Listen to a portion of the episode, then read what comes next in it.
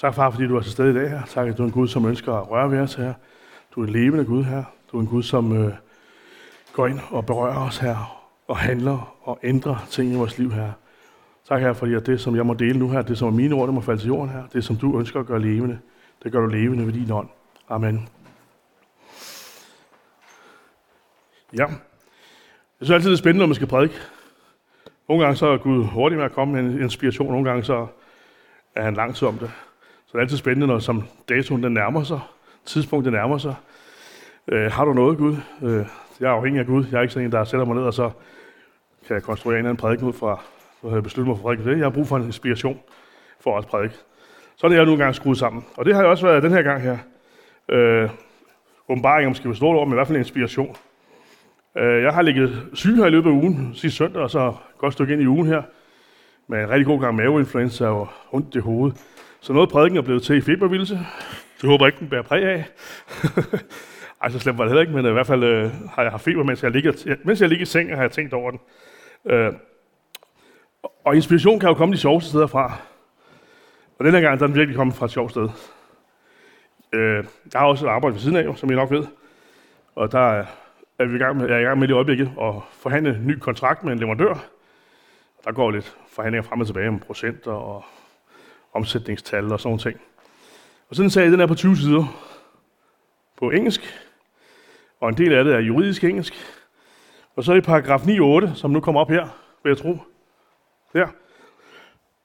Der står der, subject to clause 9.1, the seller shall not be liable to the buyer, or to be deemed to be breach of in contract by reason or any delay in performing or any failure to perform any by seller's obligation in relation to the products if the delay or failure was due to any cause beyond seller reasonable control, including with limitation, acts of God, explosion.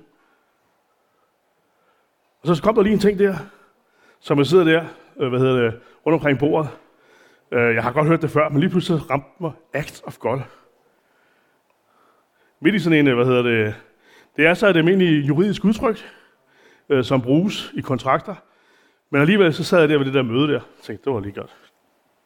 Hvad har Act of God at gøre midt i min øh, 20-siders juridiske kontrakt med en leverandør? Prøv lige at slå det næste op. Det betyder så, en Guds handling i den her sammenhæng henviser til en alvorlig, uforudsat naturbegivenhed, som mennesker ikke er ansvarlige for. Så som sådan, så er det jo selvfølgelig spændende at sige, at det her det er noget, som vi mennesker ikke har noget med at gøre. Men alligevel så er det alt dårligdom, som Gud han får skyld for i sådan nogle kontrakter. Så, så der sad jeg lidt og tænkte, det kan da ikke være rigtigt. Altså, det er virkelig det, der skal vi sådan en kontrakt, den bunder ud i, at Gud han får skylden for nogle ting. Øh, han, når han handler, så er det noget skidt. Og det var egentlig det, der blev mere runge i hovedet på mig, efter at vi har siddet, siddet i det der møde, og som gik med mig ind i min sygdom, og sige, hvad hedder det, at Gud han handler. Det står der her, ikke? En handling fra Guds side, som medfører død og elendighed. Det er sådan set det, der står i den her kontrakt her. Øh, jeg tænkte, det kan ikke være rigtigt. Altså, der er, hvad det er jordskæld, tsunami, vulkanbrud og den genre, ikke? Øh, så vi skal kigge det salme 121 sammen. Jeg kommer til at hoste en lille smule i dag. så jeg håber, det går. Er det mit vand, der står heroppe? Det er godt. Der står som overskrift i den her nydanske, eller hverdagsdanske, hvad jeg kalde den for, der står under Herrens beskyttelse. Jeg løfter mit blik mod bjergene, hvorfra kommer min hjælp. Fra Herren kommer min hjælp. Fra himlens og jordens skaber. Herren sørger for, at du ikke snubler. Han, som passer på dig, sover aldrig. Han, som værner om Israel, falder aldrig i søvn. Herren er den, der beskytter dig. Du kan gemme dig bag ved ham. Han holder hånden over dig om dagen, og om natten er du tryg ved ham. Herren bevarer dig fra alt ondt. Han våger over dit liv. Han værner om dig, hvor end du er, nu og til evig tid. Fantastiske løfter om, at Gud han er der i vores liv, og han vil tage del i det, både om dagen og om natten. Det betyder 24-7 på godt dansk. At han er der hele tiden, og han ønsker at være der, og han handler ind i vores liv. Så det er noget af det, som salmen, og I kan finde det i alle mulige andre steder også. Nu tog jeg lige den. Og Gud han har handlet mange steder, for lige sådan grundlæggende, nu har vi lige haft nadver. Det første sted, han handler i vores liv, det er frelsen. At vi simpelthen får et møde med ham. Og det kan ske på mange måder. Nogle er det sådan en, en langsom voksen ind i det. Lige pludselig, hov, jeg tror, på, jeg tror på Jesus. Og så kommer den erkendelse, og så sker der noget. Og for andre der er det sådan en bang, en beslutning, og så bliver der lagt hænder på eller et eller andet, og så, så, tro, så kommer troen på den måde. Vi siger, ja til dig, Jesus, jeg ønsker at få dig ind i mit liv. Så det sker på forskellige måder. Men lige i det øjeblik, der handler Gud og giver os sin ånd. Det er nok en af de største handlinger i vores kristenliv, der kommer til at ske, hvor Gud han handler. I det der splitsekund der, hvor jeg siger, ja Jesus, jeg tror på dig, jeg ønsker at give mit liv til dig. Hvordan det så kommer til at sådan rent praktisk at foregå, det tror jeg, vi alle sammen har hver vores historie om. Men lige i det splitpunkt, der handler Gud. Og det er den største handling, han nogensinde kommer til at gøre i vores liv, faktisk, tror jeg. At vi får lov at tage del i under på korset, vi bliver frelst, og vi får hans ånd som gave. Han handler simpelthen direkte ind i vores liv der. Hvor mange kan huske det? Der er et par stykker. Så er der mange, vi skal bede for i dag. Så der kommer det, som jeg også talte om her, øh, hvor synder bliver tilgivet. Lige i det splitsekund. Og der er rigtig mange, der har oplevet, at der ligesom puh, bliver taget en byrde af. Der skete et eller andet der. Der kom en fred indeni, siger folk. Der skete et eller andet, noget, der var tungt, det er væk. Det er et udtryk, jeg hører i hvert fald, når jeg har fået lov at bede med folk til frelse.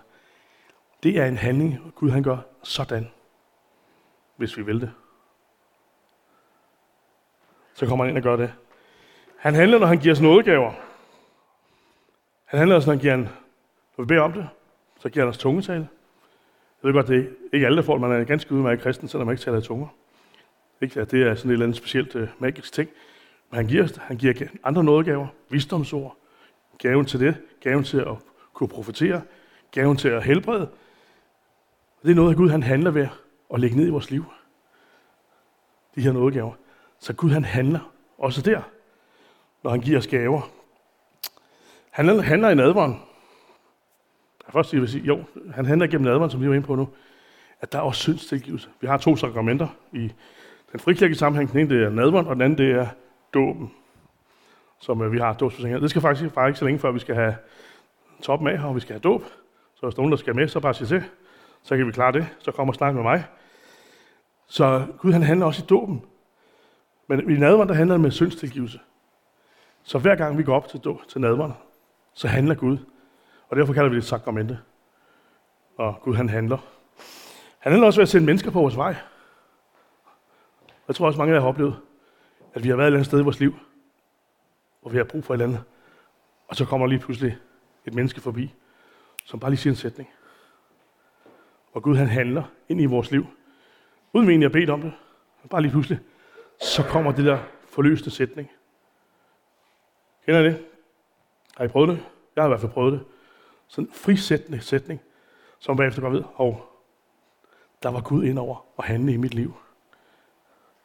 Vi var til koncert i går aften, som Michael Falk han fortalte om, han, han har haft en møgperiode i sit liv for 20 år siden, og man har gået til alle mulige, hvad hedder det, ting for at komme ud af den her periode her, og man har så gået til en nomolog åbenbart. Så han sagde, at han skulle så have et nyt navn, og han skulle hedde Paul. Og så var han sagt, det er fint, og så var han så Paul Falk. Ej, det er også helt galt med energien i efternavnet. Og det, så skulle han så hedde Krabs, Paul Krabs. Det var en vits for dem, der ikke... Øh, Hammer de to, de har noget kørende med hinanden. Men han sagde alligevel så hende der, det skøre kvinde, som han kalder det for, at hun sagde alligevel noget til ham, som ramte at din far står ved siden af dig, og du skal forsone dig med ham. Og nogle gange så kommer der sådan en menneske forbi, selvom det måske ikke er en, der står på, på kristen grundlag, som står på et helt andet grundlag. Og så kommer der lige en sætning ind. Så siger wow, det var vise ord ind i mit liv. Det var vise ord ind i Michael Falks liv. Der kom nogle sange ud af det. Der kom også en forsoning med hans far, selvom han var død. Så øh, nogle gange så kommer der mennesker, som simpelthen gør, og Gud han handler på alle måder. Så han siger jo selv, at han vil lade stenen råbe. Så selv sådan en nomolog, som, hvad hedder det, som han laver sjov med, Michael Falk, kan han bruge. Så det er fantastisk. I dåben handler han. I dåben handler han, det er vores indre forvandling, som vi døber på, men yder handling. Og det er jo et billede på døden og opstandelsen. At vores gamle menneske, det forsvinder der i dåben. Og når nyt kommer op. Vi bruger ordet, at vi bliver iklædt Jesus Kristus. Det er de billeder, vi bruger. Han handler simpelthen der. Der er forskel på den René, der gik ned, og den René, der kom op. Udover at man bliver våd, og vandet er koldt. Så sker der noget, fordi Gud han handler i den. Og det gør vores liv meget lettere fremover. Det gamle er forbi, når nyt er blevet til, eller en gammel sang, der hedder. Jeg oplever også selv faktisk, at øh, Gud handler i, i tiende. At øh, når man giver, så velsigner han. Og man får lov at leve et liv i velsignelse. Og øh, det har vi masser, der kan vide om, at sige, der er noget der, at Gud han handler også der. Det står også i hans ord. Og en af de ting, der kommer ud af det, det er faktisk, at han øh, sætter os i stand til at være tilfreds med vores liv. Og det er jo en fantastisk handling ind i vores liv. Det står i prædikerne 3, øh, uh, 13, som der ikke lige har det på, på, på nethinden, at Gud han sætter os i stand til. Han handler ind i vores liv. Jeg kender rigtig mange mennesker, som er utilfredse, som vil noget andet. De vil have andet arbejde. De vil have en anden kone eller mand. Selvom jeg ikke er smuk, det har jeg fået at vide tidligere på formplanen. Der var, ikke, der var ikke noget smukt at tage billeder af på vores ferie, og vi er som regel på ferie sammen jo. Så det var, det, den fangede jeg godt, at der er ikke nogen sm- Så sådan er det. Men hvad hedder det? At, at Gud han handler også ind der. At det liv, vi har, i stedet for at gå rundt og være utilfredse, så giver han os tilfredshed. Han handler ind i vores liv. Og jeg håber på, at vi måske senere kan få et par vidensbyrd om noget, som Gud han har handlet ind i jeres liv. Så det bliver plads til til sidst. Her, der handlede Gud i mit liv. Der gjorde det en forskel. Det kan være store, det kan være små ting.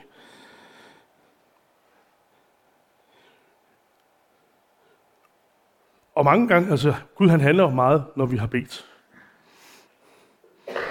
Og så skulle jeg jo gerne have sådan en amen og halleluja for bedegruppen, men der er ikke så mange for dem her i dag. Men Gud han handler, når vi beder. Okay. Øh, så sker der noget, og derfor er det jo vigtigt, at vi holder øje med, hvad vi får af svar. For det er troskabende, og det gør, at vi tør at bede større bønder næste gang. Så er noget helt fantastisk ved, ved det. Er det så sandt, at han kunne... Øh, det lyder da for utroligt.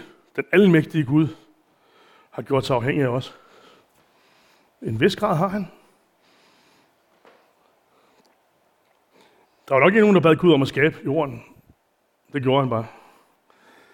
Der var ikke nogen, der bad ham om at skabe os. Det gjorde han også bare. Så han skaber og handler også på eget initiativ. Og det tror jeg også, I har oplevet inde i jeres liv, at han gør. At nogle gange, så kan det ovenkøbet være irriterende, når han kommer og handler ind i vores liv. Fordi det rører fuldstændig på tværs af de planer, vi selv havde. Øh. Men det er jo et spændende spørgsmål. Men jeg tror nogle gange, så er vi, øh, undervurderer vi fuldstændig bøndens kraft. kraft. Jeg tror ikke, vi er altid er i stand til at forstå dybden og kraften i bønden.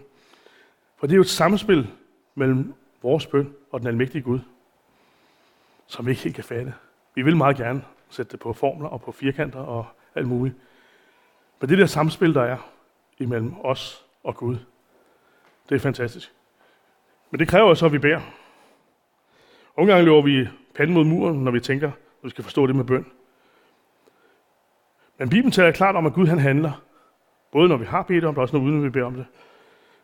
Og det er der masser af eksempler på, at han handler uden. Det kan I selv finde i Bibelen.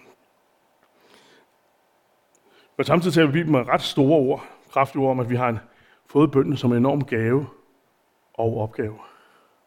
Den har begge sider. Det er en fantastisk gave, han har givet os. Vi har muligheden for at henvende os direkte til den levende Gud. Og han lytter. Men vi har også fået det som opgave.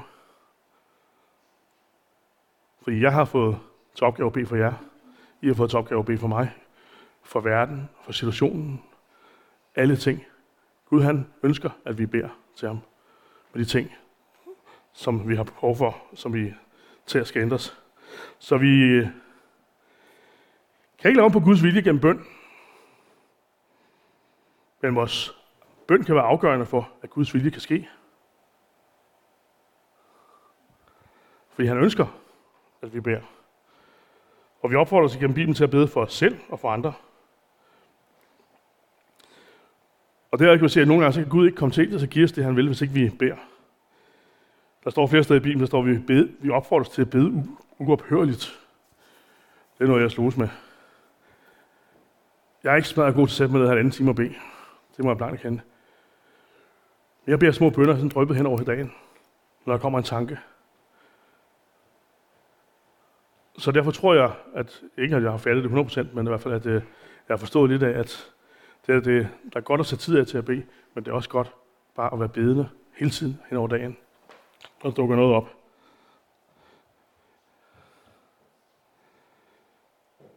Men vores bøn giver Gud adgang til at handle. Og når man sådan er i firma, så ser man altid, at man skal op i helikopterperspektiv. Hvor mange har været det? Det er sådan noget, man skal. Man skal lige løfte sig lidt over det hele. Ikke? Du har været i helikopterperspektiv. Ja, ja, det har vi været. Og alle, alle dem, der har været, der, vi har siddet til uendelige møder, hvis vi går i helikopterperspektiv. Så falder jeg nogle gange i søvn, fordi at det er... Men sådan er det. Altså, det skal vi jo. Hvad hedder det? Hvis du så tager det billede for sjov skyld, og siger, at vi sender Gud op i helikopteren over vores liv, og han har en masse gaver, han gerne vil give os. Det har han lovet os. Men øh, en helikopter skal have en landingsplads. Så går det galt. For på den tidspunkt, så løber den tør for brændstof. Så der er brug for et nedslagssted. Sådan en helikopter. Eller sagt direkte, gennem bud, gennem bøn åbner vi os, så Gud kan modtage, og så vi kan modtage Guds øh, gaver. Vi har brug for, og han lander. Det gør han på vores bøn. Så Gud han har brug for et sted at lande. Og det han gør, det på vores, vores bøn. Så Gud han handler ikke kun når vi beder, men han handler ofte når vi beder. Han ønsker, at vi skal bede, så han kan komme til at handle endnu mere. Og det er egentlig det, der er velsignelsen ind over vores bønsliv. Det er, at han handler. Ikke altid, som vi, vi ønsker det. Men øh, han handler. Og det tror jeg, mange har oplevet. Og Gud han taler også nogle gange til os, uden vi har bedt om det. Vi oplever det gennem hans ord. Det kunne være gennem en prædiken. Jeg håber, at der er et eller andet, der taler til jer i dag. Øh, syn, når Anna har lige talt om naturen, så der er masser af steder. Øh, jeg har tit nævnt, at grunden til, at jeg står heroppe, det var et kald, jeg fik for mange, mange år siden. Jeg har delt jer, hvordan det er, hvor det skete, så skal jeg ikke trætte jer med. Men det var sådan et sted, hvor, hvor jeg oplevede, at Gud han handlede ind i mit liv. Og egentlig synes jeg, uden jeg havde bedt ham om det. Han gik lige ind og, og så skal man selvfølgelig, så er man nødt til selv at handle, når han handler. Men sådan er det, at øh, der sker nogle gange ting. Øh, så bagefter så må jeg nok sige, at jeg var nok kommet til at bede en bøn og sige, Gud, du må godt bruge mig. Og det er jo en farlig bøn. farlig, farlig bøn.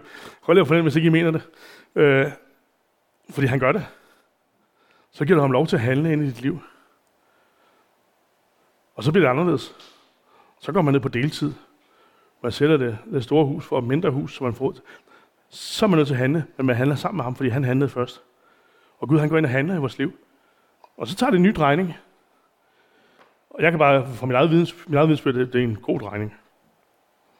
Nogle gange kunne man godt have brugt hvad hedder det, den periode lidt flere penge, men det har han så velsignet med sidenhen. Så øh, jeg tror også, jeg har nævnt det før. Bøn for biler.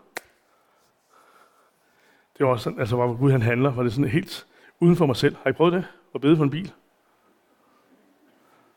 Nej. Altså jeg lærte det faktisk, da jeg var 18 år, tror jeg. Jeg kørte med dem fra Kongelejen, og så kom en anden gammel hakkebræt af en bil. Og så drejede vi lige rundt op der ved, ved forsøgsgården op i Hillerød, og satte en klonk, klonk, klonk, klonk, og så lyste alle røde lamper i den her bil, og den, den gik i stå. Og det her mennesker er jo med, det var sådan nogle meget troende mennesker, positivt ment. De sagde, nå, så må vi bede for den. Og så gik han ud af hænderne på, hvad hedder, på motoren og bad for den, og gik ind og startede den, så kørte vi hjem. Og så er jeg lidt og kigget der. Det var lige godt. Det var lige fordi det var det er sådan noget maskemekanisk noget. Og den tog Anna jeg jo så op, faktisk. Jeg tror, jeg har fortalt det. At vi, vi har faktisk haft tre gange, hvor vi har haft nedbrud langt nede, både i Spanien, Tyskland og i Frankrig med biler. Vi er ret heldige, ved det angår. Sådan totalt nedbrud. Men en, der var mest sjov, det var, at vi holdt nede, jeg tror, helt nede i bunden af Tyskland. Og så trykkede jeg koblingsbunden i bund. Pionerende ja. Og der blev den så.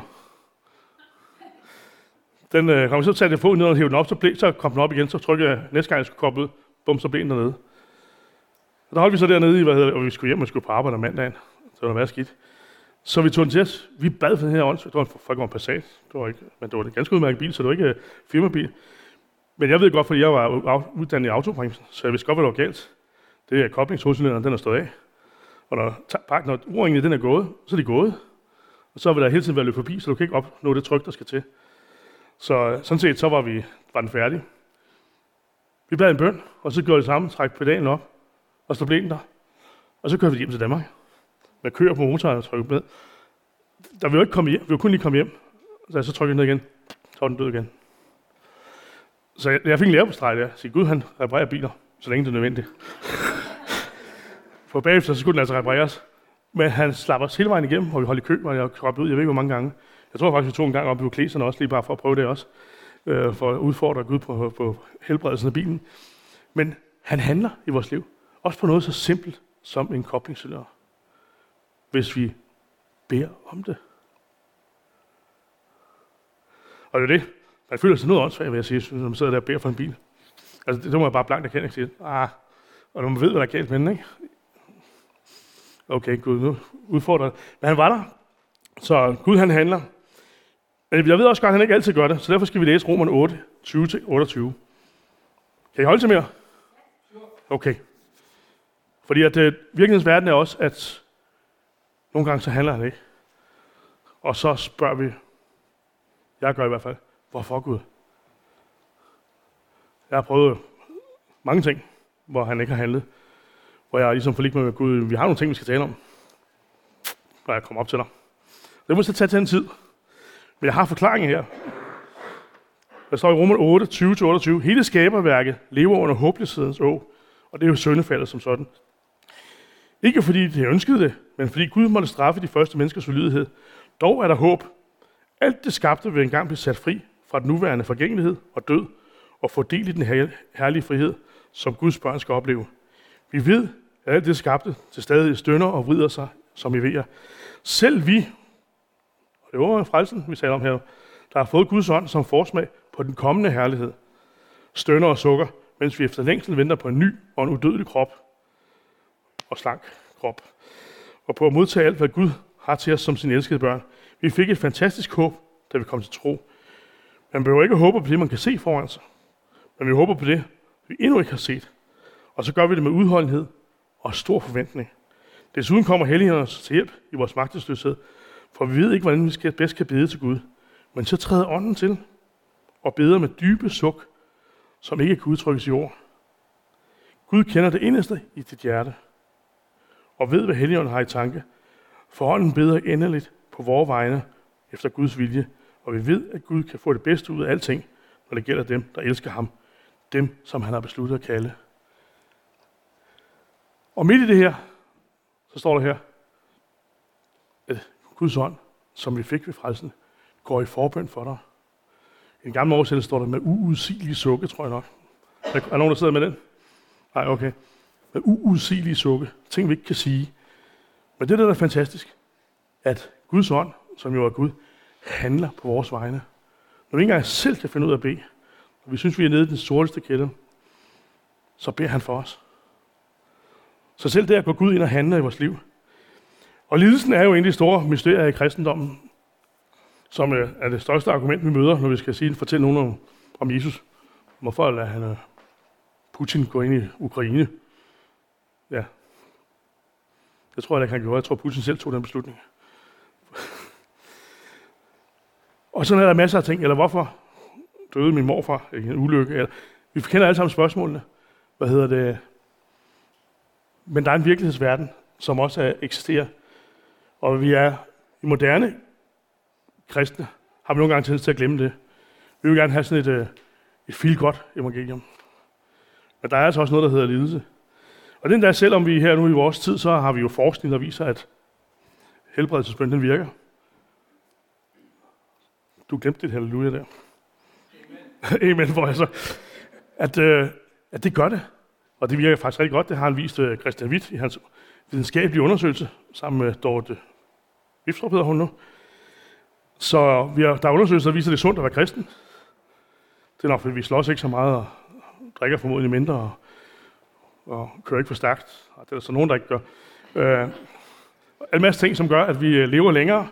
Så det er sundt at være kristen. Så nogle gange så har vi sådan, at det er jo dejligt nemt det hele. Så Gud er på mange måder kommet ind i varmen. Men Jesus han døde på korset. Vi har lige haft, øh, haft nadver. Og Jesus han svedte blod af angst. Hvorfor satte Gud ikke en redningsaktion i gang? Så Jesus han kunne slippe for lidelsen. Og den tortur, han skulle igennem, piskeslagene og døden på korset, hvorfor satte han ikke en redningsaktion igennem, så han kunne? Det kunne han have gjort jo. Men lidelsen fik lov at være der. Og røveren siger til Jesus, hvorfor redder du ikke dig selv? Som oversat til nu dansk. Du er jo Gud. Hvorfor redder du ikke dig selv? Jesus gjorde det ikke. Fordi at lidelsen den er en del af livet. For han gik ind på den vilkår, som vi lever under, på realiteterne, hvor lidelse og afmagt er en del af vores liv. Men han vidste sig, viste sig solidarisk med os ved at lide sammen med os. Og for at vise, at Gud han er større end lidelsen. At det er en del af det. Så det er jo en af de ting, jeg synes, der også er rigtig fantastisk ved at være kristen. Det er, at han handler, han helbreder, men han er der også i lidelsen og går igennem den sammen med os. Så de to sider er der øh, i, i øh, vores liv med Jesus. Og det er sagt, så oplever vi rigtig tit, at, Jesus, at Gud han handler i vores liv, heldigvis. Så den del er også noget, der fylder meget i vores liv. Jamen, så vil jeg sige amen nu. Hvis der er nogen, der har brug for, at Gud skal handle i dit liv, så vil jeg gerne bede med jer. Sige, det her, det savner jeg. At Gud han handler i mit liv. Og hvis I tør at bede bønden, brug mig. Så vil jeg også opfordre til at går et spændende liv i møde. Også et anderledes liv. Men uh, amen.